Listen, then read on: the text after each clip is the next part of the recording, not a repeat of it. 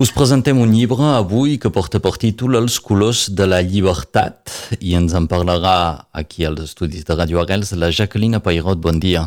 Bon dia. Sou la presidenta de FRI, l'associació dels fills i filles de republicans espanyols i infants de l'exili. Heu eh, participat en l'elaboració d'aquest llibre, però realment els autors i els eh, qui són eh, realment a, l'origen d'aquest treball són uns alumnes de l'Institut Deodat de Seberac, que d'alguna manera han fet tota la feina, una feina de memòria.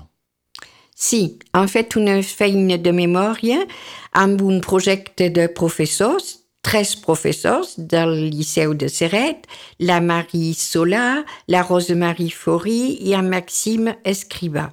Però eh, la sort de trobar un fotoperiodista, Miquel de Vever Plana, que els ha acompanyat dins aquest projecte. És per això que els alumnes han produït fotografies dels llocs de passatge dels refugiats i de la gent que han entrevistat, que són realment fantàstics. Sí, les il·lustracions són molt boniques, el treball és molt ben fet, l'associació Free doncs, ha, ha, posat acompanyat. els sous també eh, per uh, publicar ha aquest treball. Ha ajudat. I ajudarà a la venda del llibre per assumir els gastos i sobretot hem, um, hi ha una exposició que acompanya aquest llibre i és una exposició que era al pati del Liceu i que és molt gran i que no se pot exposar si algú demana l'exposició i en hem fet una exposició itinerant. Hem de comprar els quadres, són petites coses, però això s'adobarà amb la venda del llibre. Donc ja ho sabeu, Uh, us aconsellem comprar aquell llibre, us en parlarem amb detall perquè sapigueu també el contingut i aquesta feina que han fet els alumnes de l'Institut d'Eudat de Seberac de Serret. Ho hem dit, han rebut l'ajuda d'experts de, tant en la imatge, doncs realment el treball és molt ben fet. L'objectiu era recollir testimonis d'aquest eh, febrer del 39, del 1939. Testimonis que eren nens quan van passar i aquests nens ara bé, tenen uh, de 80 anys, alguns menys, però no van passar, alguns van passar. Uh, I són membres de l'associació Free des del principi de l'associació, d'altres no, i aquest llibre es presenta com això. A Prats de la gent que van veure la gent arribar i que van acollir aquestes persones. L'alcalde de Prats de Molló, ho puc dir, és de republicans. En Patrick Lluís treballa molt sobre Prats de Molló amb exposicions, amb la seva llibreria i són gent que poden parlar d'aquesta retirada. I després d'altres, la Conxita, que s'ha posat a Arles de Tec i qui viu encara, en Gilbert Susanyà qui a Perpinyà, en Serge Barba que va néixer a la maternitat, l'Emita i la seva germana Palmira, però la gent també que, i no voldria oblidar gent, eh, com en Federico, són coses molt, n'hi ha molts, i no puc dir tots noms, però l'Augustina també, era a Perpinyà i han donat la memòria perquè és transmetre a joves. I aquesta idea i el que donen els joves del que reben és un missatge fort. Aquesta gent, heu dit un poc l'edat que tenen actualment, eh, és un poc la, la raó de ser actualment en aquesta edat de, de dialogar amb els joves? Sí, com a FRI, és de rebre els joves que venen? I de donar el que sabem, fer intercanvis de memòria, pensant que la realitat, l'actualitat, ens porta a veure el que se va passar i el que vivim avui. hem fet una caminada, hem anat a la caravana que va marxar d'Airun, caminant, hem participat, eh? però hi havia principalment les associacions que han fet ajuda, eh, solidaritat, i que continuen, com la CIMAD, l'ASTI i associació, le Mouvement de la Paix, tot això, que participen molt fort, més que nosaltres.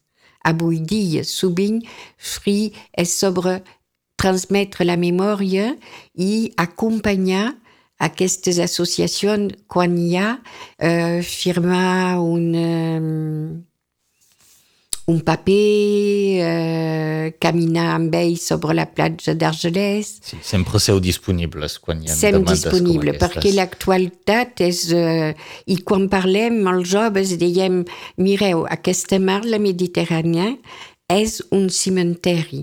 I penso que um, al mes de setembre o d'octubre treballarem amb una classe de, del Liceu Bourquin, sobre això i amb SOS Mediterrani, que recull els refugiats d'avui dia. No, sí, l'actualitat ens porta a, a, a memòria d'aquell temps passat, perquè sembla que la història de vegades té tendència a repetir-se. Eh, per tornar sobre el contingut del llibre, hi ha aquells testimonis del, del febrer del 39 que van creuar la frontera o que van veure la gent arribar Uh, Jacqueline Pairot, evidentment, heu seguit l'elaboració del llibre, l'heu llegit, el teniu entre les mans.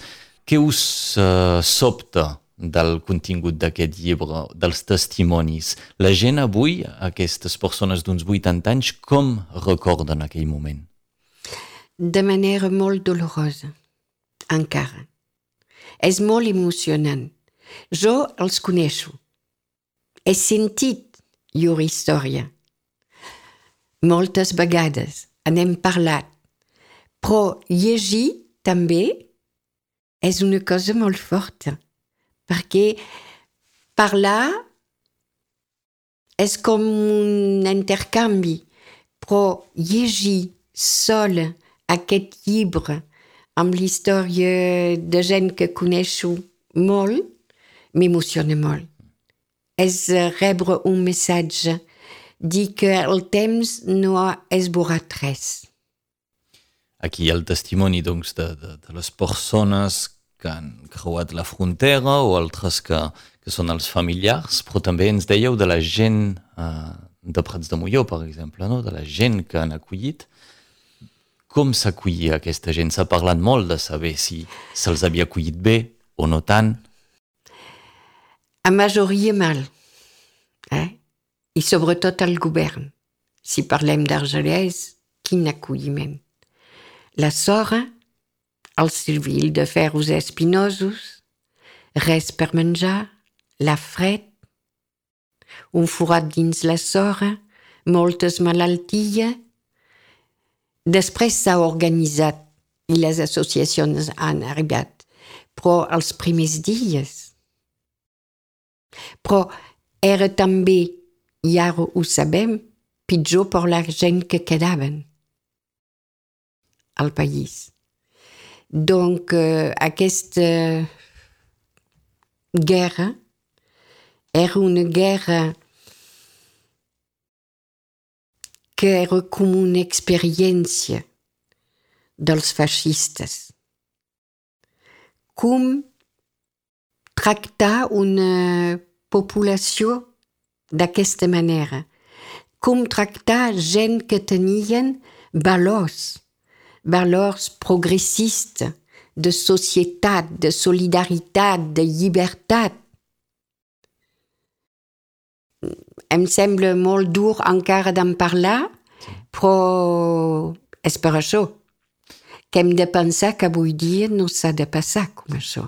Doncs podem ser crítics amb l'acollida per part del govern i uh, de, dels camps, evidentment, però a nivell dels habitants, uh, aquí s'ha vist molta humanitat, no, també? Sí, a tots els llocs on han passat, Sant Llorenç, Prats, Pi i d'altres llocs, eh, la població d'Elna és un, en, Frank, en Josep Frank ho dibuixa, eh, la gent que donaven a collir una mica de, de sopa, coses com això, però també tenien la pressió del, del govern i, i de les guàrdies mòbils que aquí dins el les no hi ha res a la solidaritat ha existit. La solidaritat també de la gent que anaven al camp per mirar si tenien un familiar per el fer sortir del camp. Hi havia sempre una mà per Això... ajudar.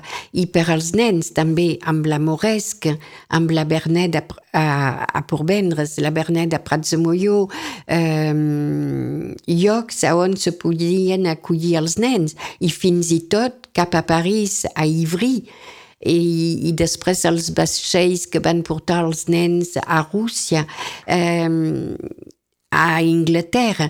Donc, sabem la solidaritat davant de tant de gent era insuficient.